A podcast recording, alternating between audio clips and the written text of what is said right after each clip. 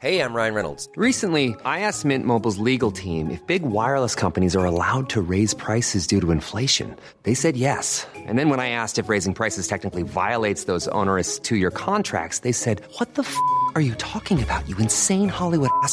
F- So to recap, we're cutting the price of Mint Unlimited from $30 a month to just $15 a month. Give it a try at mintmobile.com slash switch. $45 upfront for three months plus taxes and fees. Promo rate for new customers for limited time. Unlimited more than 40 gigabytes per month. Slows. Full terms at mintmobile.com. There's never been a faster or easier way to start your weight loss journey than with PlushCare. PlushCare accepts most insurance plans and gives you online access to board-certified physicians who can prescribe FDA-approved weight loss medications like Wigovi and Zepbound for those who qualify. Take charge of your health and speak with a board-certified physician about a weight loss plan that's right for you. Get started today at plushcare.com slash weight loss. That's plushcare.com slash weight loss. plushcare.com slash weight loss. Systrarna Elvstrands hästpodd är producerad av Media House by RF. Halli hallå allesammans och varmt välkomna till systrarna Elfstrands hästpodd avsnitt 144. Välkomna, välkomna. Jag som pratar nu heter Emma. Och jag heter Anna och det här är podden om oss, våra fyra hästar och vårt hästliv i stort och smått. Det stämmer bra det. Hur är läget med min kära syster idag? Jo men det är bra, jag känner mig glad. Det är alltid så här när vi har ätit lunch typ och blir lite flummiga. Vi spelar in det här poddavsnittet efter lunch och nu det senaste har vi faktiskt spelat in innan lunch så vi får se vart det här hamnar någonstans. Vi har en tendens att bli lite flummiga på eftermiddagen. Ja men jag har varit lite seg typ hela morgonen för att eh, jag har väl sovit lite sådär i natt för att jag har haft en del drömmar. Och nu ska jag inte tråka ut det med att gå in på värsta detaljerna men två av dem har varit med ett spöke. Jaha. Att jag har varit skiträdd. Alltså jag var så rädd så jag spydde i drömmen. Det är sjukt. Och du som har haft sån spyfobi också. Jag vet, det, det är så här, mina två största fobier, bara spöken och spy. Nej jag skojar bara. Eh, det är väl egentligen ingen fobi för att jag är lite sån att jag har inte upplevt det än. Nej. Så och tack och lov för det, jag hoppas att jag slipper. Men därför så vet jag inte riktigt om jag kan tro på det till 100%. Anna menar då att spy nu. Eh, Ja precis, Ja, jag tror inte exakt. att det kan hända. Nej precis. Men den knäppaste delen i drömmen, det var att, att jag drömde att Samuel sov med en ekorre bredvid sig. Alltså en riktig ekorre. jo jag fattar det.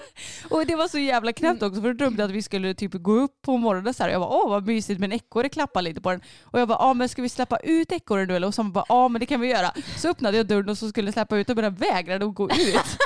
Så vi hade typ en tam ekorre.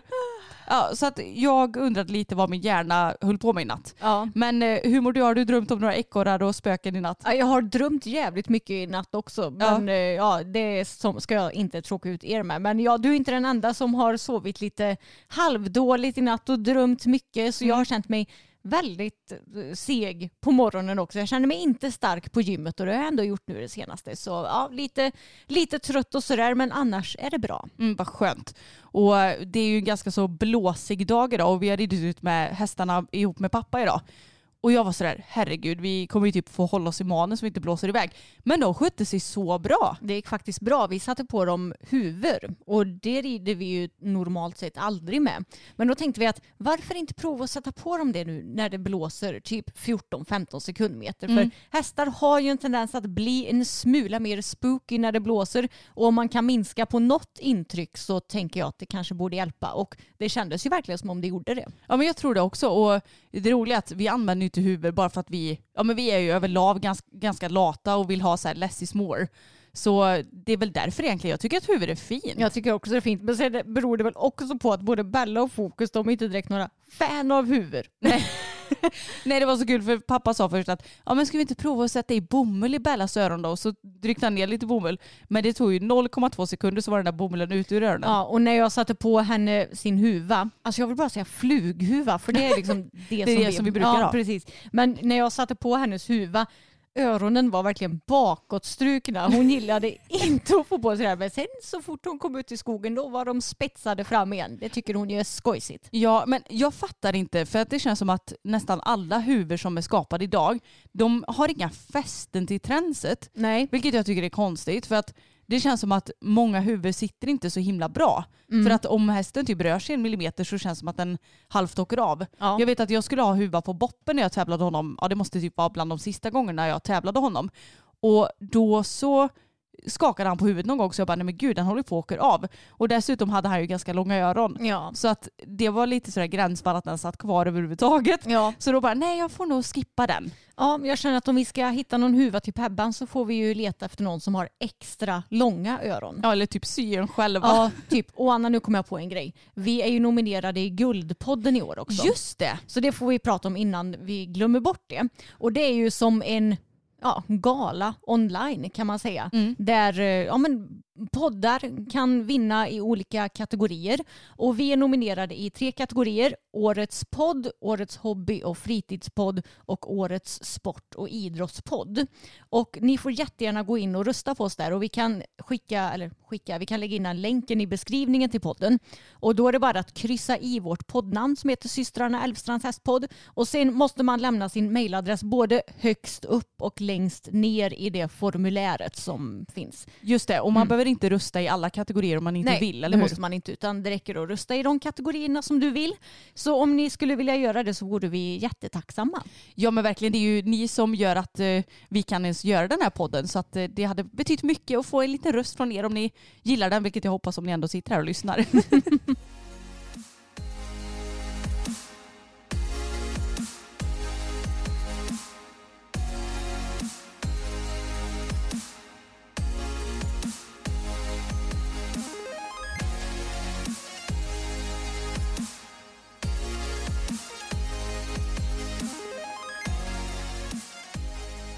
Okej Emma, jag hänger ju faktiskt fortfarande lite grann kvar i Jönköping Horse Show. Ja. Och jag ska inte prata allt för mycket om det, men jag satt och scrollade Instagram under lunchen nu, precis innan. Och så kom jag in på, Nicole Holmén kom in som en så förslag på min utforskarsida. Så du klickade in på hennes bild som kom upp som förslag. Och då så står det här, Kubona, även denna hästen presterar helt fantastiskt denna vecka trots att jag aldrig har ridit henne innan. Felfri kval och idag final och slutar femma. Kan inte nog tacka Lisen, Peder och Steffi för förtroendet att styra in deras fantastiska hästar på Elmia. Nej men alltså då har hon ju aldrig någonsin suttit på den här hästen.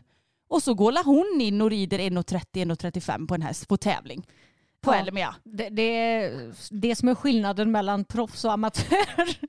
Det var lite det jag tänkte också. Mm. Och jag kände bara, jag hade aldrig i hela helvete suttit upp på en häst som jag aldrig suttit på innan och bara, nej men gå in och tävla lite grann. Nej jag vet. Men ja, det är ju det är ju just därför man blir så fascinerad av de som faktiskt tävlar på proffsnivå och är Ja. så här duktiga. Ja, det är de kan ju göra det. Mm. Det är ju som vilken promenad i parken för de som helst. Ja.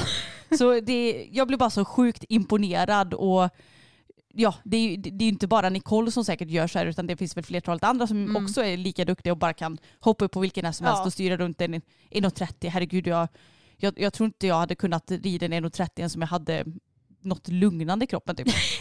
Men tänk då back in the days när VM-finalerna var att man skulle byta häst med varandra. Just det, det hade jag förträngt Ah, nu. det, det var...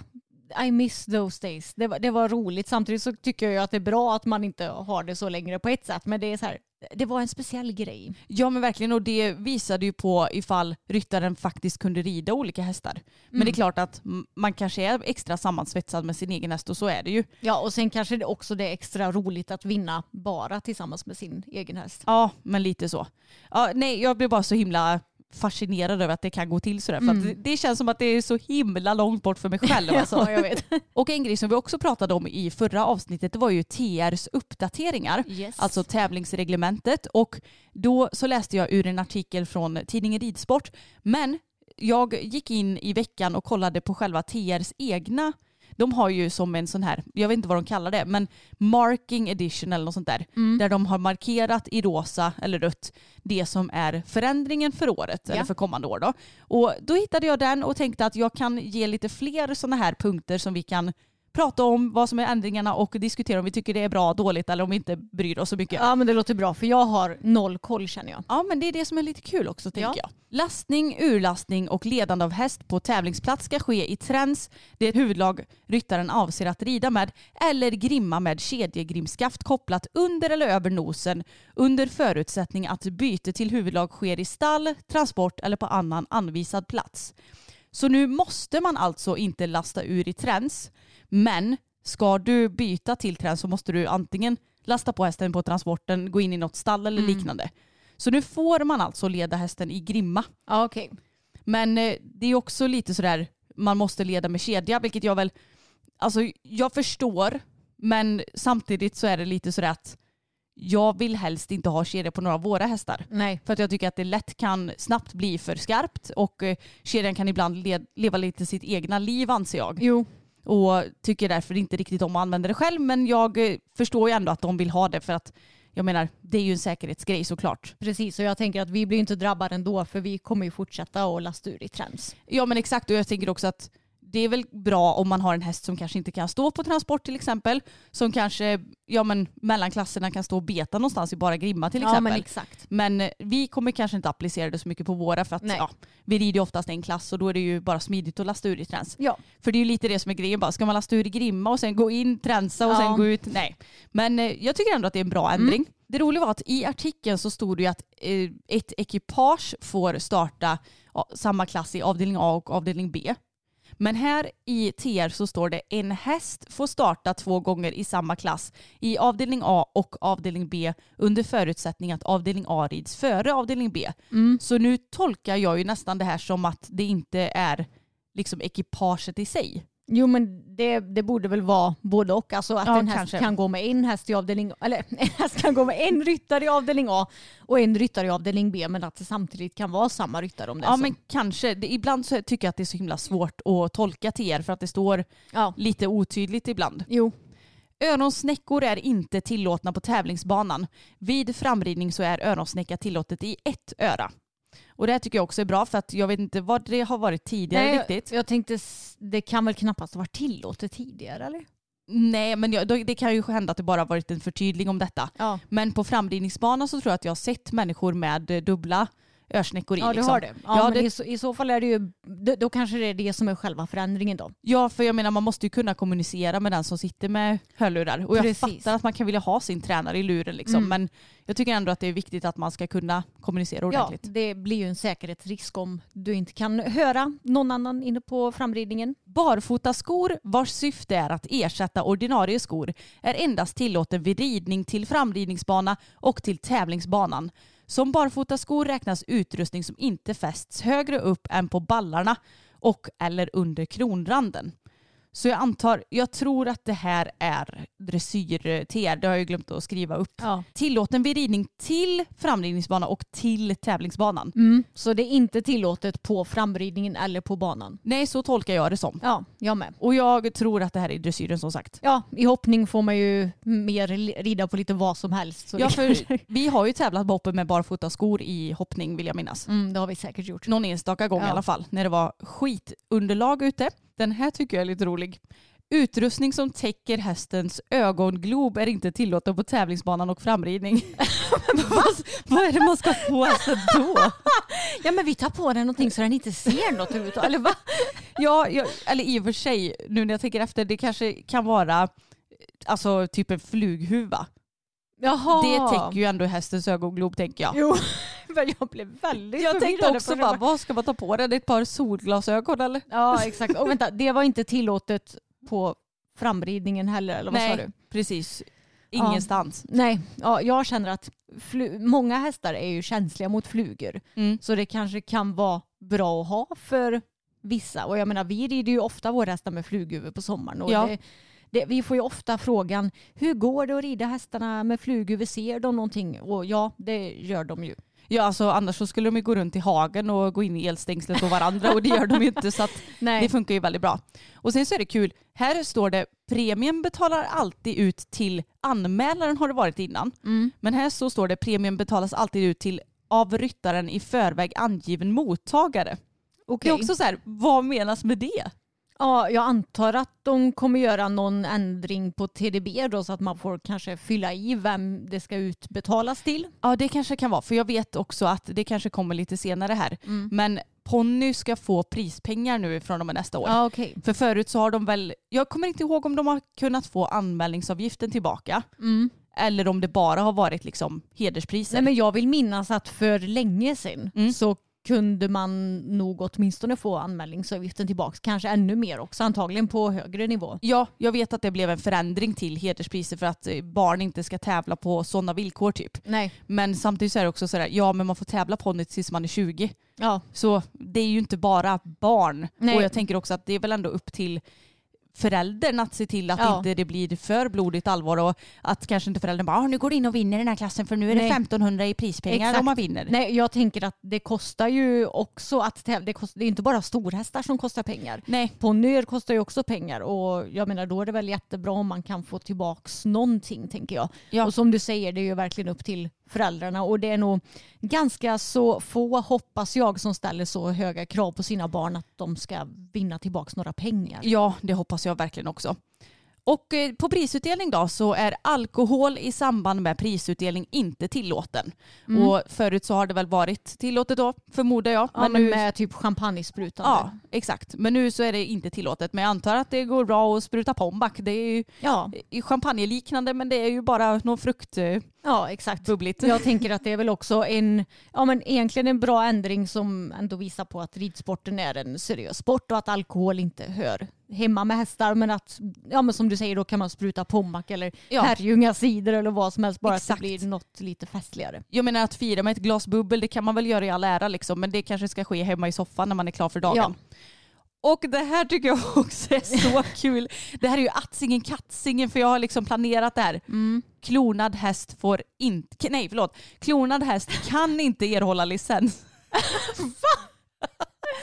ja jag kände bara, is that even a problem? Men vänta, klonad, finns det klonade Det är hästar? det jag menar. Jag vet bara att man har lyckats klona ett får. Får jag? Klonad häst kan inte erhålla licens. Alltså jag tyckte det var jättekul. Anna, nu, nu måste du googla på klonad häst och se det. Det är uppenbarligen, annars hade de ju inte fått till den här regeln. Men jag, Vi har ju sagt så många gånger att vi borde klona Boppen för att han var världens bästa. Men Ja. nu, nu är det för sent givetvis. jo, Ja, här står det betäcker med en klonad häst. Inte helt klart, glasklart rent etiskt okej. nej. Nu har jag hamnat på en artikel på Hipson här som är publicerad 2015, så det är ju väldigt länge sedan.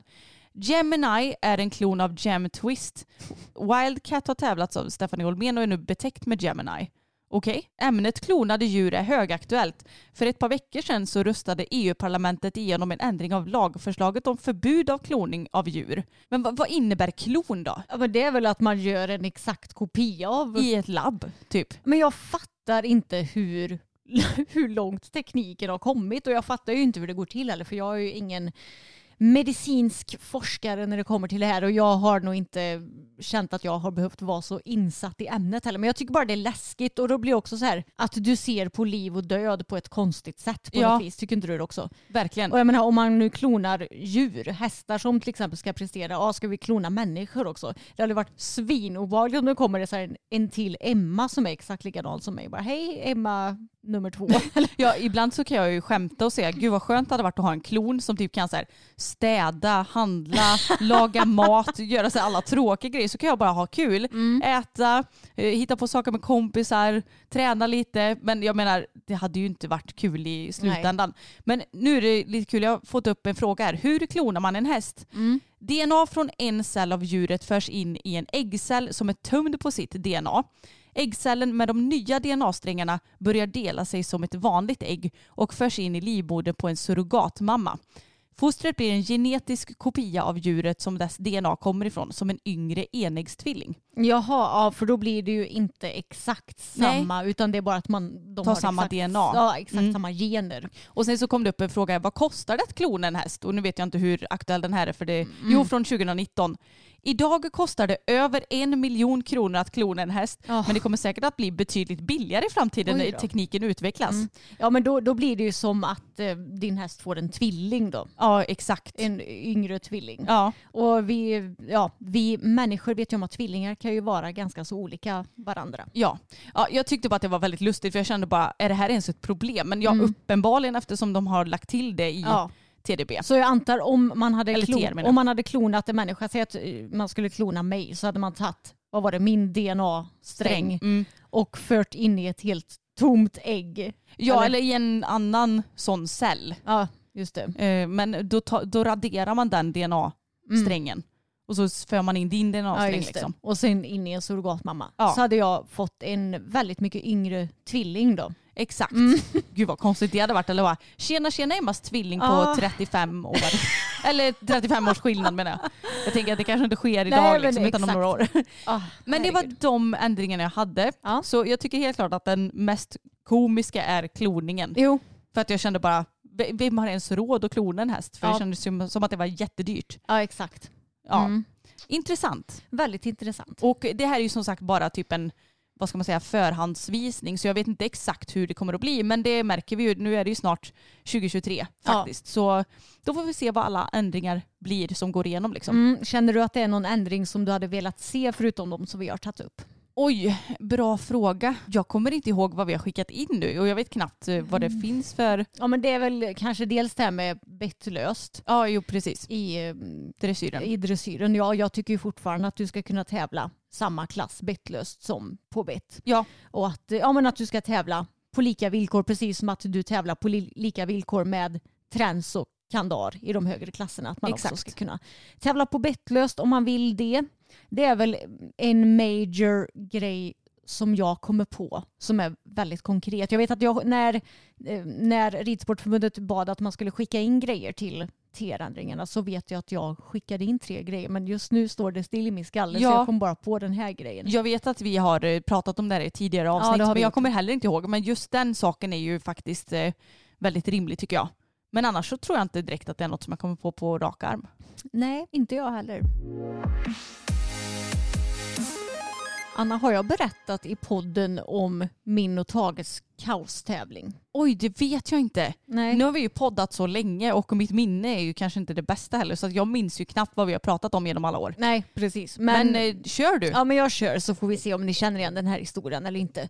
Men vi köpte ju Tage 2007 och det är ju alltså 15 år sedan och mycket har ju hänt inom ridsporten på 15 år och framförallt kanske när det kommer till lite tekniska grejer och sådär med ekip och lite tydligare ryttarmeddelanden och startlistor och starttider och allt vad det nu är. Ja, alltså, förlåt men går man way back då fick man ju skicka in sin anmälan på en lapp där man fick skriva upp så här hästens namn och stam och grejer och vilka klasser man ville rida. Posta det till ridklubben och sen så fick man ju skickat startlistor och ryttarmeddelanden på posten. Ja. Det känns ju som en svunnen tid. ja, men det här var nog faktiskt till och med innan vi började tävla. Jo jag vet men jag vet ju ändå att det gick till så. Ja, jag så vet. det känns ju väldigt bekvämt nu när man kikar lite snabbt i ekip. Ja jag startar den här tiden ungefär. Ja, exakt. För då när jag ska prata om den här händelsen, då var det ju så att varje ridklubb la ut på sin hemsida ett ryttarmeddelande och en startlista. Och då vet jag att då skulle jag tävla Tage eh, i den första klassen för dagen tror jag, för det var säkert 90 centimeter. Och vi skulle åka till Alingsås och det ligger ju typ 45 minuter Ja men typ fem mil va? Ja, något sånt där ifrån oss. Och då hade jag varit inne på ja, men eftermiddagen dagen inne och kollat på ryttarmeddelande och startlistan och då såg jag att ja, men då startade jag som nummer ja, bla bla bla i klassen och att det startade klockan nio. Och då var det så här, inga konstigheter, gjorde i ordning Tage, eh, förberedde mig och sen dagen efter då när det är tävlingsdags då sitter jag i bilen med pappa och Tage i bak i transporten och tänker att ja, men nu är vi ute i god tid, det kommer inte vara några problem. Och då ringer en klubbkompis mig och bara hej, vart är ni någonstans? Och jag bara, vi är i bilen på väg. Hon bara, men tävlingen har ju redan börjat. Då visar det alltså sig att klubben har i ryttarmeddelandet eller startlistan, ja, vad det nu var, typ så här klockan åtta på kvällen, alltså när jag inte hade tittat på det, så hade de ändrat starttiden och skrivit så här, de hade skrivit ut det jättesmått, typ att nu är det ändrad starttid. Jag, jag minns att det var en röd liten text. Ja, precis. Så då hade de alltså flyttat bak tiden eller klassen en timme så att det började klockan åtta istället för klockan nio. Mm. Eh, Jag kan säga att det var inte bara jag som hade missat det här. Men oj, oj, oj vilken panik jag fick. Jag fick ringa till sekretariatet och be om att få starta typ sist i klassen istället. Jag kommer fram, bara ber pappa att ta ut Tage så får jag springa till ja, men, sekretariatet och anmäla sig för det skulle man ju göra på den tiden. Ja just det. Och, och visa vaccination skulle man ju alla göra på den tiden också. Mm. Och sen fick jag springa upp på läktaren och eh, bara hoppas att den ryttaren jag såg skulle gå till omhoppning. För jag hade inte mer tid på mig än att se typ en, absolut max två ryttare. Som tur var så gick ju då den ryttaren som jag tittade på till omhoppning. Så jag hann ju inte gå banan utan jag fick se en ryttare rida banan. Springa ut, hoppa upp på Tage, rida fram och sen in på banan. Och tro fan inte att det här är typ den bästa tävlingen jag och Tage någonsin har ridit. Ja, visst, ni blev dubbelnoll och hamnade precis utanför placeringen men va? alltså typ så en tiondel sekund ifrån Ja. placeringen eller sånt där. Det är ju helt sjukt. Och ibland så tror jag faktiskt, vi är ju mycket för numera att ha våra rutiner, att vi räknar noga när vi behöver åka och sådär så att man ändå har kontroll och ett lugn över dagen.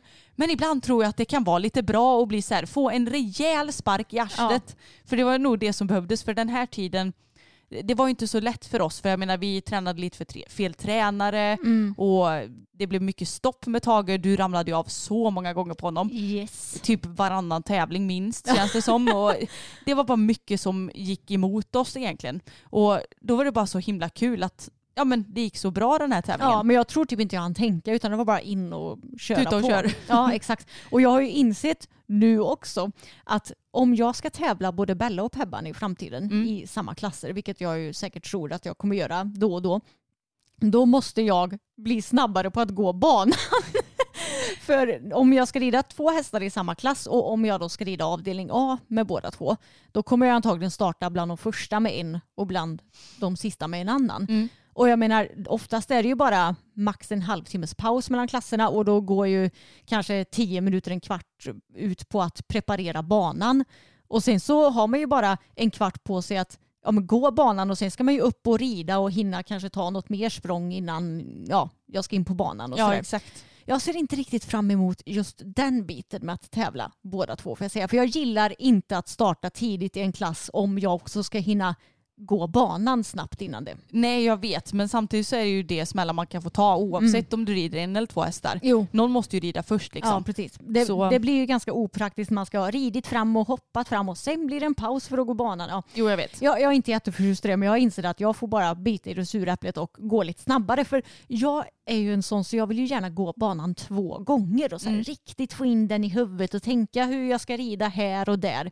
Men nu har jag insett att det får bara bli en Alltså jag, jag måste lära mig att gå banan bara på en gång. Ja och det kan du ju testa redan nästa tävling. Ja. Att du går banan en gång och så får det vara bra. Ja, och jag, alltså, det är ju inga konstigheter. Det var jätte, jätte, jättelänge sedan jag glömde banan. Jag kommer nog inte ens ihåg när jag glömde banan senast. Det var säkert när jag red på ridskolan. Mm. Så det är inte så att jag har svårt för att lära mig banor.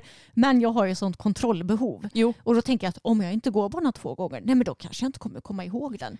Fast den, det gör jag ju med 99% sannolikhet. Ja, jag menar när vi hopptränar då säger ju Sten att eh, nu tar du den här och den här och den här och så går man igenom den en gång och sen kör man. Ja. Så att det är ju inte det som är det svåra egentligen men jag är ju lite likadan. Att jag antingen går den en gång riktigt så här noggrant ordentligt eller två gånger om jag har tid för det. Men eh, det är bra att träna på. Ja. Men en fråga. Tror du att om den här situationen som med Tage hade hänt idag, hade du gjort samma sak då? Att du bara hade tutat och kört? Eller hade ditt eh, kontrollbehov varit så stort att du bara, nej men då vänder jag och skiter i tävlingen? Nej men jag hade nog tutat och kört. Du hade faktiskt. gjort det? Ja, Mm. det tror jag.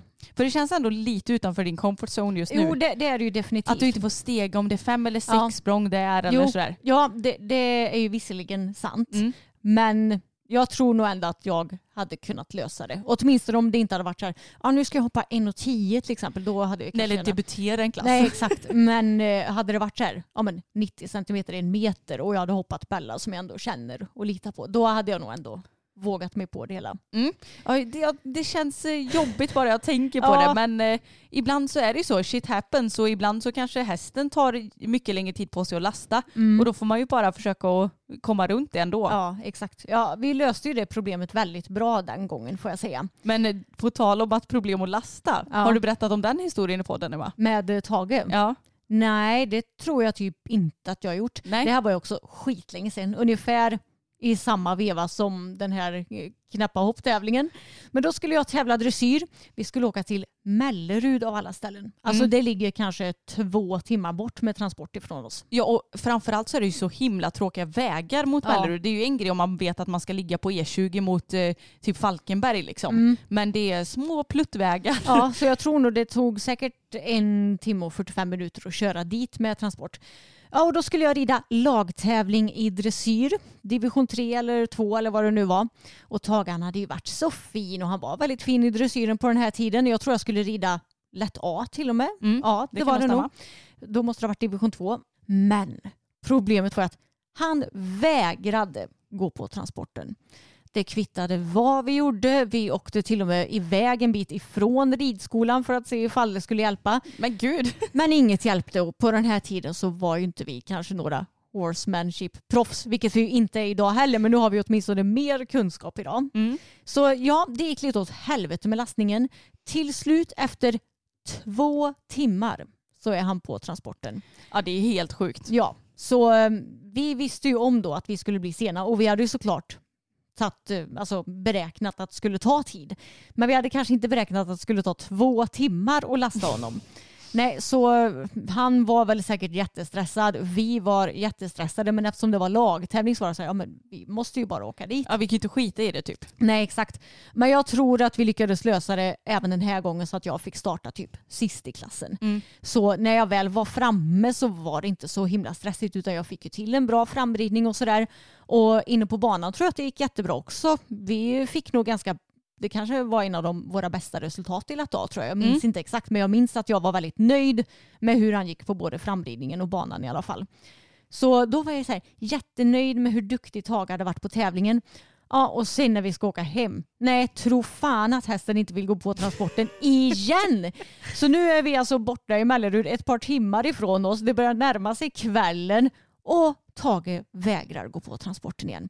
Till slut var det verkligen bara vi kvar där. Och vi och några funktionärer som kom fram bara, vill ni ha hjälp? Och vi bara, ja det kommer inte Hjälpa. Hjälpa. Nej. så ja, jag bara, alltså det kan hända att han får sova över här. På riktigt, om vi Ja. inte får in honom i transporten får vi försöka få tag i någon. Bara, kan vi låna en box för vår häst vill inte gå på transporten? Ja men jag menar vad ska man göra Nej, till slut? Alltså det var så illa med lastningen med Tage på den tiden. Men jag tror det tog eh, nog en och en halv timme. Så det var ändå en halvtimme bätttre den här gången. Jösses han var riktigt snabb Ja, in i verkligen. Så på den här tävlingsdagen så tillbringade vi alltså typ tre och en halv timme med lastning av lilla Tage.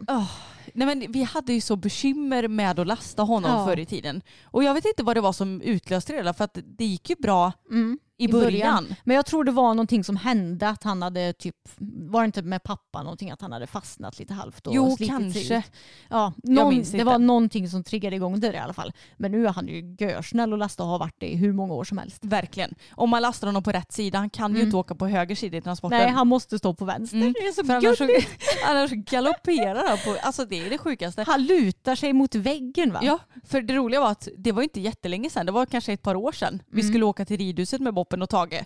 Och som man ska, vi körde ju efter skolboken, lastade Boppen på vänster sida eftersom han är tyngst. Mm. Och sen så Tage på höger sida och tänkte liksom inte mer på det för att Tage reser ju inte sådär skitmycket. Nej. Och har han rest så har han ju ofta rest själv när vi åkt på någon liten tävling eller något. Nej men då rullar vi iväg mot ridskolan och så hör vi bara så här bombla bombla bombla bom och jag bara vad fan händer eller? Så öppnar jag transportdörren så här, och ser hur Tage hänger sig mot mellanväggen och galopperar på utsidan. Jag bara okej, eh, ja vi får nog eh, byta plats på dem. Ja, det var ju när vi svängde åt ett visst håll som man gjorde så. Ja fast den här gången Ja, så då- gjorde han ja, det hela tiden. Precis, för då visste han att nej nu står jag på fel Ja. sida och då blev han väl typ stressad av det. Annars vet jag att innan det, innan vi fattade att han inte kunde stå på höger sida, Mm då var det ju antingen om man svängde höger eller vänster, jag minns inte men något av det var det så även om man körde så här i verkligen snigelfart, Bum, bum, bum, bum, bum, bum. Och pappa bara, ah, Tage han har så dålig balans, han kan inte stå upp i svängarna. Men så insåg vi att det kanske inte är balansen, jag vet inte ens vad det Nej, är. jag inte heller, men jag tror, alltså jag är övertygad om att det finns fler hästar som har samma quirk. Ja, att de vägrar stå på en viss sida. Ja, och man får ju bara acceptera det. Jag menar, Mm. jag, jag förstår lite tanken att man inte vill hamna i diket med hästen. Mm. Men jag menar, vi kan ju inte göra till varje pris att han är obekväm där inne. Nej, och ska man vara sån. Säg att vi hade åkt med Tage och Bella. Ja. Bella hon väger ju, ja alltså närm- Betydligt mer än Tage i alla fall. ja, 150-200 kilo mer Ja. skulle jag säga. Ja, men tänk då om Bella hade stått på vänster sida och Tage på höger sida och vi hamnar i diket åt höger. stackars tag och behöva få Bella över sig. Och han kommer bli helt superklämd. Ja. Det hade varit bättre i så fall att Bella får mindre lilla Tage på sig. Ja, tänk, om, tänk om man tänker ännu mer då. Tänk att vi lastar Bella och en shettis, typ att Brunis och Bella skulle åka ihop. Och så ska man lasta den tungaste till vänster och så välter de i diket. Jag menar hon hade ju klämt ihjäl Ja, Brunis. jag vet. Eller så hade han landat mellan hennes ben Ja, i och för han sig. hade nog landat ganska... Nej, men jag Men menar, ja. jag tycker det är lite... Jag förstår tanken samtidigt som jag inte förstår den. Nej. Och jag vet att vi har diskuterat det här i podden tidigare. Ja. Att det känns rimligare att den lätta hästen hamnar på den lite tyngre hästen än tvärtom. Mm, precis. Nu förutsätter vi att man ska ramla ner i diket på höger sida men det känns Ja. ju mest rimligt eftersom vi har högertrafik. Exakt, Mm. jag tänker det också. Sen kan man ju få sladd givetvis. Precis. Men eh, ja, det har vi inte fått hittills. Peppar peppar tar i antagligen inte ens riktigt trä på mitt skrivbord. Nej men exakt och jag tänker att är det så dåligt väglag så brukar ju vi inte vara ute och köra heller. Nej, precis. Mm. Ja men det det är också en grej, det finns ju två sidor av ett mynt. Lite så. Mm.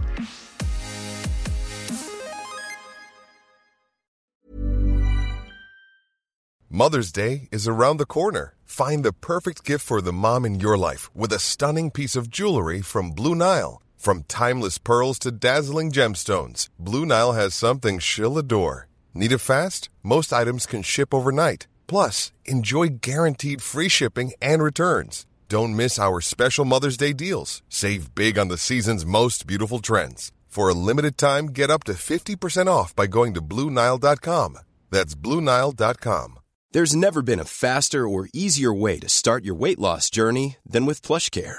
PlushCare accepts most insurance plans and gives you online access to board-certified physicians who can prescribe FDA-approved weight loss medications like Wigovi and Zepbound for those who qualify. Take charge of your health and speak with a board-certified physician about a weight loss plan that's right for you. Get started today at plushcare.com slash weight loss. That's plushcare.com slash weight loss. plushcare.com slash weight loss. Ja men nu känner jag ju mig lite nostalgisk när vi har pratat om gamla tävlingar och sådär. Jaha. Och Anna, du och jag, vi började ju rida på ridskola för 20 år sedan. Ja, det är 20 år sedan. Ja, det är ganska så exakt 20 år sedan. Herregud. Lite, lite drygt. Och jag vet att när vi började hoppa, eller i början när vi hoppade, ja det var ju i början, mitten på 2000-talet, då hoppade ju vi något som kallas för svinrygg. Ja, ja. Ja, och det här var ju ett speciellt hinder. För om ni tänker er en trippelbarr, för det här hindret bestod av sex hinderstöd. Då var det ju som en trippelbarr fast den bakre bommen var låg. Så att det såg ut som ett ja, men upp och nervänt V kan man ju säga. ja men exakt. Att låg bom i fram, hög bom i mitten, låg bom i bak. Så Ja. istället för stegrande trippelbar så är det liksom ja, som en våg. Precis. Och vi skämtade om det för några veckor sedan. Jag bara, Anna vad vill hoppa för någonting idag? Ja men vi kan väl ställa fram en bana med bara svinrygg.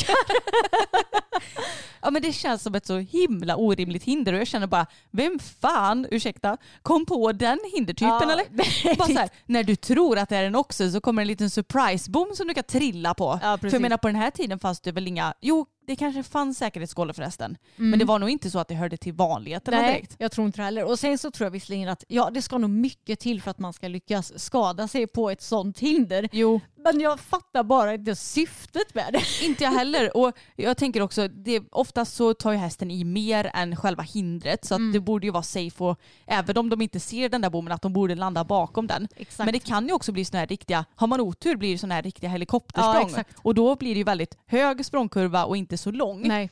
Och då är det ju lätt att landa på den här bommen. Och Mm. det kanske ska mycket till att man ska skada sig ordentligt men risken finns ju tänker jag. Ja, men det är så kul att vi hoppa, hoppade ju verkligen de här hindren förr i tiden. Ja, och det var inte så att det hände en gång utan Nej. det var ju ändå ja, men regelbundet när det var så här hoppkurser att nu ska vi ha lite speciella hindertyper Så då har vi svinrygg. och solfjäder och allt vad det nu heter. Solfjäder är ändå lite roligt. Ja men det är det. Mm. Då har man ett hinderstöd på ena sidan och sen har man tre hinderstöd på andra sidan och så är det som, ja men det blir som en så här, det är ju som ett trippelvarv på ena sidan och ett räcke på andra. Ja. Så det blir lite utspritt med bommarna. Mm, precis. Det är ju lite roligare och mer vettigt i så fall. Ja, är man lite rädd för breddhinder då kan man ju hålla lite mer åt den sidan som bara har ett hinderstöd. Ja men exakt, det är ju väldigt smart. Nej men så roligt och nostalgiskt är det när jag tänker på det. Jag känner också att det är ju tur att ridsporten ändå har utvecklats på många sätt. Det kan man verkligen säga och med alla möjliga säkerhetsskollor och, Ja. och grejer som man tänker på nu också. Ja, exakt. Nej men alltså jag kommer inte ihåg att när vi red på ridskolan då för länge sedan. Mm. Jag kan inte minnas att vi hade några säkerhetsskolor. Jo men det minns jag när vi anordnade tävlingar. Men Ja. du vet, det- det var ju sådana här metallskålor Ja, just som man ja. satte i en liten plupp i som kunde gå av. Men vi hade väl inte det när vi hoppade själva? Nej, det var nog bara på tävling. Mm. Och då fanns det också, den silvriga pluppen var för ponny och den svarta för häst Just om jag det, inte minns fel. Ja men jag kommer också ihåg dem nu när du säger det. Ja, det var ju inga safety system-skållor direkt Nej, inte direkt. Anna, jag tror inte att någon som lyssnar på vår podd och följer oss på Youtube kan ha missat att du är ju den mer organiserade systern. eh, nej, det kan man säga att jag är. Ja precis, det är ju det som skiljer oss åt. Och nu är det sen... Bara det också. Ja precis, det är det absolut enda som skiljer oss åt. Nej, men nu det senaste så har ju du tjötat så mycket om att du vill göra om i sadelkammaren. Ja. Och herregud vad du har tjötat. Och så fort du börjar med det då kan jag säga att jag, jag ska vara ärlig och säga att jag lyssnar inte riktigt på vad du säger. Utan jag låter dig prata och så säger jag mm ibland för att bekräfta det som du säger. Okej, men har du någon aning om hur jag skulle vilja ha det i framtiden? Ja, du vill ha sadelskåp vet jag. Eh, Eller skåp. Jag vill ha garderober ja. Ja, garderober. Ja, men jag känner lite det att vår sadelkammare den är ju väldigt, väldigt liten. Eh, nu kommer jag inte ihåg exakta mått. Jag har det uppskrivet i min telefon för nu har jag tagit alla mått som finns så att jag kan börja planera. Men Ja, jag det- tänker inte bygga förrän det är varmt igen. Nej, ni hör ju hur nördig hon är. Det här är ärvt av pappa, hans nördiga sida. Men i alla fall, för jag tänker att om vi skaffar garderober så får vi kanske plats med lite mer. För nu har vi öppna hyllplan. Vilket gör att det ser ju genast väldigt stökigt ut om man har för mycket där också. Eh, har du stängt av igen nu? Ja, nästan. Se, ser du det på mig? Eller? Ja, jag ser det på dig. Alltså, det finns då ingen kvinna som är så ointresserad av inredning och allt vad det nu kan vara som mig. Men vet du, det är ganska praktiskt för mig för att då får jag göra vad fan jag vill Jag vet. Jag- jag är väldigt otypisk, eller typ, Åh, herregud jag kan inte prata. Jag är väldigt otypisk kvinnlig när det kommer till det. Ja, men det är väl helt okej. Man måste inte vara intresserad av det. Nej, men jag tycker kan, det är kul. Ja, du kan ju fortsätta prata och så kan jag sitta här och... Låtsas Ja. lyssna. Nej men jag vet inte vad jag mer ska säga. Jag eh, har tänkt att vi ska ha garderober även där sadlarna sitter. Just för att kunna stänga in dem lite ytterligare och ja, men jag tror att det blir praktiskt bara helt enkelt. Ja, jag kan inte riktigt se mig den här... eh, Nej, nej, Du kan in- inte se det framför Nej, dig. exakt. Jag kan inte se det framför mig. Men Okej. jag litar säkert på att du har kollarna. Du litar säkert på att jag har koll. Ja, eller så här, jag bryr mig inte. Du får Nej. göra vad tusan du vill. Ja, men det enda problemet när jag får sådana här idéer det är att jag kan ju inte göra dem själv. Nej. Så jag måste ju antingen få med pappa eller Samuel på det tåget för jag är ju noll händig. Ja, och du kommer absolut inte få med mig på nej, det nej, och tåget. det, det räknar jag absolut inte med. Alltså när jag och Emma vi skulle skruva upp, när vi hade köpt nya sadelhängare, Mm. alltså sådana här som, som vi hänger våra sadlar på varje dag i sadelkammaren. Mm. Herregud, Emma hon kan ju, hon, du kan ju aldrig räkna ut någonting själv om du behöver hålla eller lyfta eller göra någonting utan man måste ju säga till exakt vad du ska göra. Jag skulle lika gärna kunna ta hjälp av ett treårigt barn. Det hade, Ja, det hade nog varit lättare. det hade varit lättare för den hade nog förstått mer än du alltså. Ja, men det, jag, jag är så opraktisk. Ja det är helt sjukt. Totalt ointresserad av praktiska grejer också. Ja, men Samuel tycker också att jag är väldigt opraktisk för att vi har ju fixat till Pebbans hage lite så att den har blivit lite större. Det gjorde vi ju efter det senaste veterinärbesöket. Och det har ju regnat så in i bänken den senaste tiden. Mm. Så den delen där de gick i allra först på, när det var sommar och det var lite torrare ute, det har blivit hur geggigt som helst och vi ska grusa upp men vi har, ja, alltså vi får ju ta lite en del i taget. Mm. Så då tänkte jag då är det bättre att vi delar av den delen så att de inte kan gå där och gegga runt. Men då så stängde vi också av lösdriften så de inte kan gå ut till den utgången liksom. Ja. Och då skulle jag då se till att få fixat det här och då kände jag bara nej jag tänker fan inte ringa till pappa eller Samuel och be dem om hjälp utan jag ska lösa det här själv. Så jag hittade en planka, jag hittade den slöaste såg jag hittade i mitt liv. Det tog seriöst en kvart och såg itu en bräda som i och för sig var ganska så tjock. Jo. Säkert med dimension på sådär två tum eller något. Nej Ja. jag skojar, jag har ingen aning. Och sen så skulle jag spika upp den här och problemet är att pappa, eller ja, Samuel har ju en verkstad hemma som är jättestor med, där de grejer med diverse bilar och eh, inte vet jag, alla möjliga fordon och grejer. Så numera så har vi ju typ inga verktyg här hos dig. Vi har inte ens en hammare på det här stället. Nej, för du fick någon jäkla typ eh, skohammare eller vad? Ja, alltså en hovslagarhammare typ. Ja. Om det nu finns någon sådan. Men det är ju inte, det är ju inte en riktig hammare i alla fall. Nej. Och jag bara, "Ah, ja den får duga. Och så spiken var ju såna här riktiga decimeterlånga Mm. spikar. Jag bara, ja men det, det kommer nog gå bra. det var skitsvårt att spika i de där spikarna. Och Samuel bara, alltså Anna, när jag såg dig försöka spika i de här spikarna då undrade jag hur liksom, tummen mitt i handen du har. Och jag bara, vadå? Och han bara, men du kunde ju liksom vänt på hammaren så att du kunde tagit den bredaste delen och slagit med åtminstone. Du måste ju inte slå med huvudet. Nej. Du kan slå med liksom bredsidan. Ja. Fattar du då? Ja, jag fattar men jag tänker att har det inte, blir det inte mer kraft om man slår med huvudet? Nej, det kanske inte blir. Ehm, vet inte, men då kanske man ska ha en riktig hammare. Jo. Det gick ju inte skitbra för oss. Nej, det, det gjorde det inte. Ni som har sett min story på Instagram, det var ju ett par månader sedan nu. Ni vet vad. Ett par månader sedan. Eller? Skoj. När var vi inne med Pebban egentligen? Det var inte flera månader sedan gumman. Nej, okej. Det är kanske någon månad sedan. Ja, någon må- Du har ingen tidsuppfattning. Du bara, nej, men alltså Pebban hon skadade sig för tre år sedan. Nej, men jag har ingen tidsuppfattning. Nej. Så är det. Nej men alltså jag tycker bara det är så kul det här med att du och jag är så olika när det kommer till den här biten. Och också, jag har ju så här topp två grejer som jag tycker att är det, det tråkigaste samtalsämnena som finns och som tyvärr är ganska vanliga nu när vi har blivit så pass vuxna. Nummer ett, renovering, inredning, hur hus ser ut. Alltså jag skiter blanka fan i hur ditt hus ser ut så länge som du bor där och du trivs där. Och att det är, kanske är lite torrt och lite varmt. Ja men exakt. Alltså, jag kunde inte bry mig mindre om att här har jag gjort så här och där har jag gjort så här och nu planerar vi att göra så och så och så. Alltså noll intressant enligt mig. Jag tycker det är jättekul. Ja jag vet och tyvärr så tycker ju många att det är kul. Så Ja. jag brukar också om man sitter på någon middag eller hänger med ett gäng vänner och man börjar prata om det då zoomar jag ju också ut. Ja. För det är så jävla tråkigt rent ut sagt. Och här kommer nummer två som kanske inte är så lika chockerande för många att höra. Och det är ju när folk pratar om sina barn. ja, och det håller jag ju faktiskt med om. Ja, men som tur är så har vi typ inga kompisar som gör det. Nej, alltså de, det är klart att de kan prata om barn men det blir inte riktigt så ingrottat Nej. som många andra kanske kan göra. Och, Exakt. och jag förstår självklart det. Jag menar, vi, vi pratar ju om våra hästar väldigt mycket, vilket, alltså nu är inte det jämförbart med att ha barn, men det är ju ändå det som är våra små ögonstenar i Ja, livet. Liksom. Precis. Och det är klart att man pratar mycket om sina ögonstenar i livet så det är inget konstigt. Nej. Men för en barnlös är det ju kanske inte lika kul att prata om. Liksom. Nej, men jag tror också att våra kompisar som har barn, de har ju också alltså andra karriärer och är lite mer företagare och sådär. Jo. Så då blir det ju mer att Ja, vi hittar ju kanske- andra samtalsämnen. Exakt, Mm. behöver inte bara prata om barn. Nej. Och det, det är ju väldigt skönt för jag, jag är väldigt ointresserad av andras barn.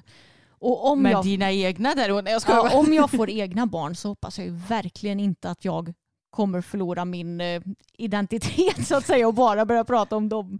Nej, det är nog lätt att hamna där, speciellt i början när det blir en sån omställning kan jag tänka mig. Ja fast å andra sidan vi är ju såna jävla hästnördar så det är, och vi har många kompisar som är hästnördar också så det blir Ja. ju ett ganska så naturligt samtalsämne för oss. Jo, så är det ju. Men det är lite kul för det var någon gång när jag träffade en av Samuels kompisar och eh, så sa jag det att jag håller på med hästar. Han bara, aha, ja, du är med. Är du också en sån som bara kan prata om hästar? Eller? Och jag bara, nej men alltså jag kan faktiskt prata om andra saker. Som bara, ja det kan hon faktiskt. Och jag bara, oj, är, är det ovanligt eller vadå?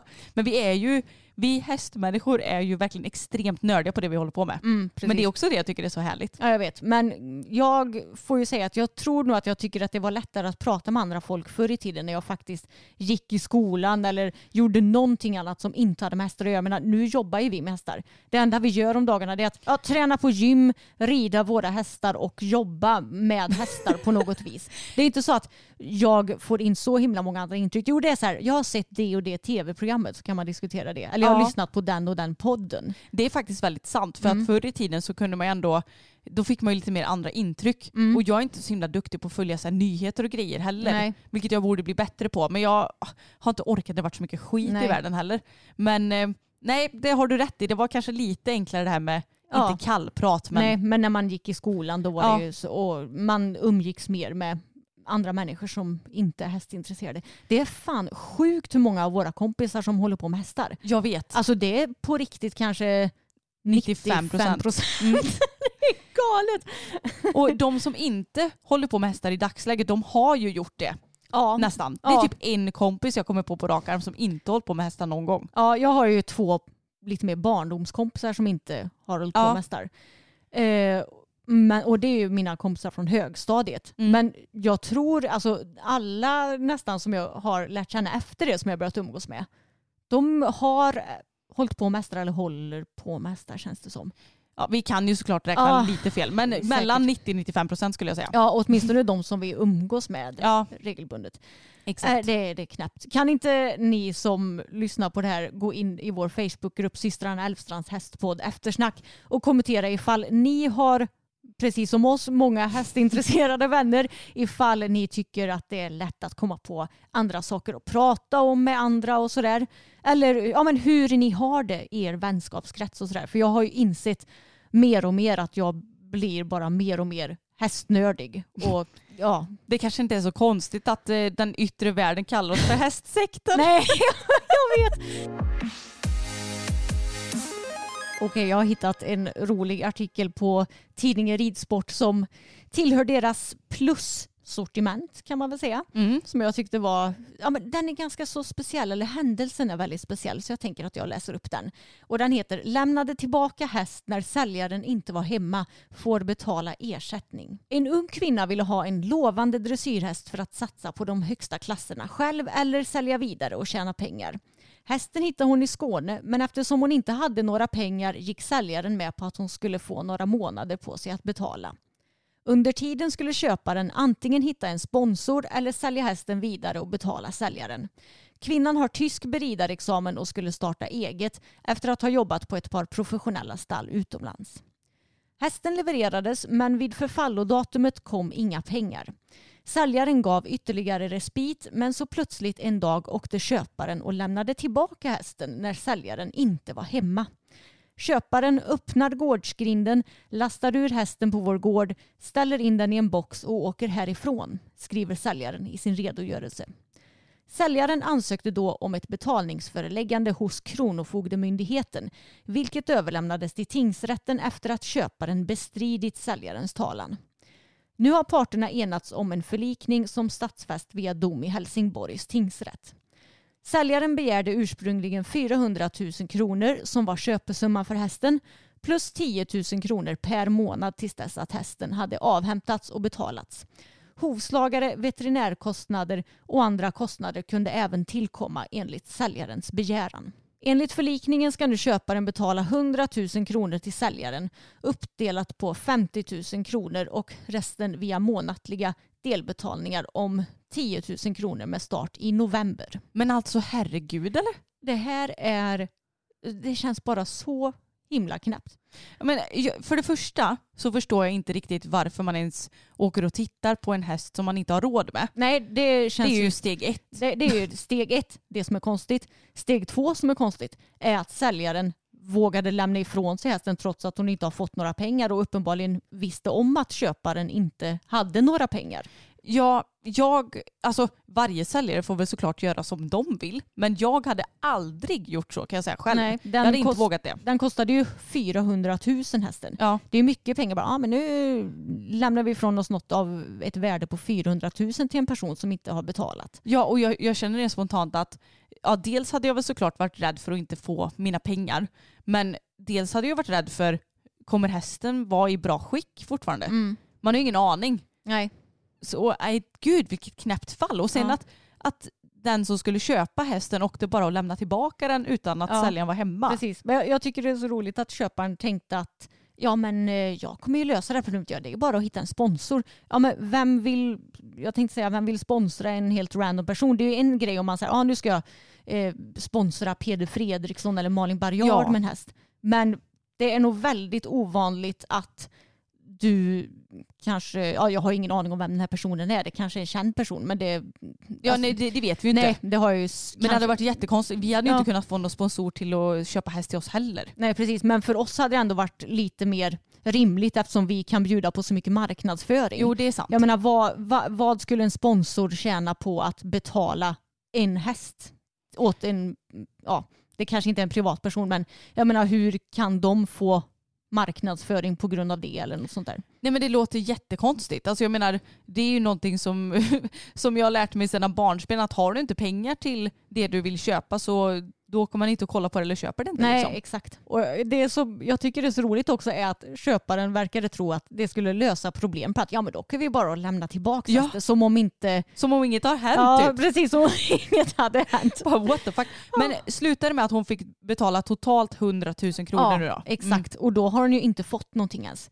Det är ju bara en totalt onödig summa pengar som har försvunnit ur tomma intet. Då hade hon ju lika gärna kunnat köpa en häst, en sämre häst för 100 000 då. Lite så. Mm. Jag menar, det, åh, jag, jag kan bli så frustrerad. Hur är det man egentligen bygger upp sin verksamhet om man då ska köpa, eller om man då ska fixa ett företag? Mm. Jo men då får man köpa en lite sämre häst, träna upp den, sälja den för lite mer pengar, Ja. träna upp den, sälja den för lite mer pengar. Alltså att man hela tiden får bygga på en pyramid om man inte kan ta lån eller Nej. har någon sponsor eller Exakt. har några rika föräldrar Nej. eller vad det nu kan vara. Det är väl exakt så som alla hästföretagare gör kan Ja. jag tänka mig.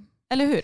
Nej, så det, det, det är så rolig situation. Och Ja jag, det är ju garanterat inte kul för de inblandade Nej, men det är exakt. bara så tragikomisk hur, situation. Ja, men hur det ens kan bli på det viset. Nej. Och nu har ju inte köparen kommenterat situationen. Det står att köparen har erbjudits möjlighet att kommentera men har avböjt. Så då kanske inte hon har så mycket mer att tillägga känns det ju som. Nej. Har säljaren kommenterat någonting? Ja, det är säljaren som har lämnat vissa citat och sådär Ah, okej. i artikeln. Mm.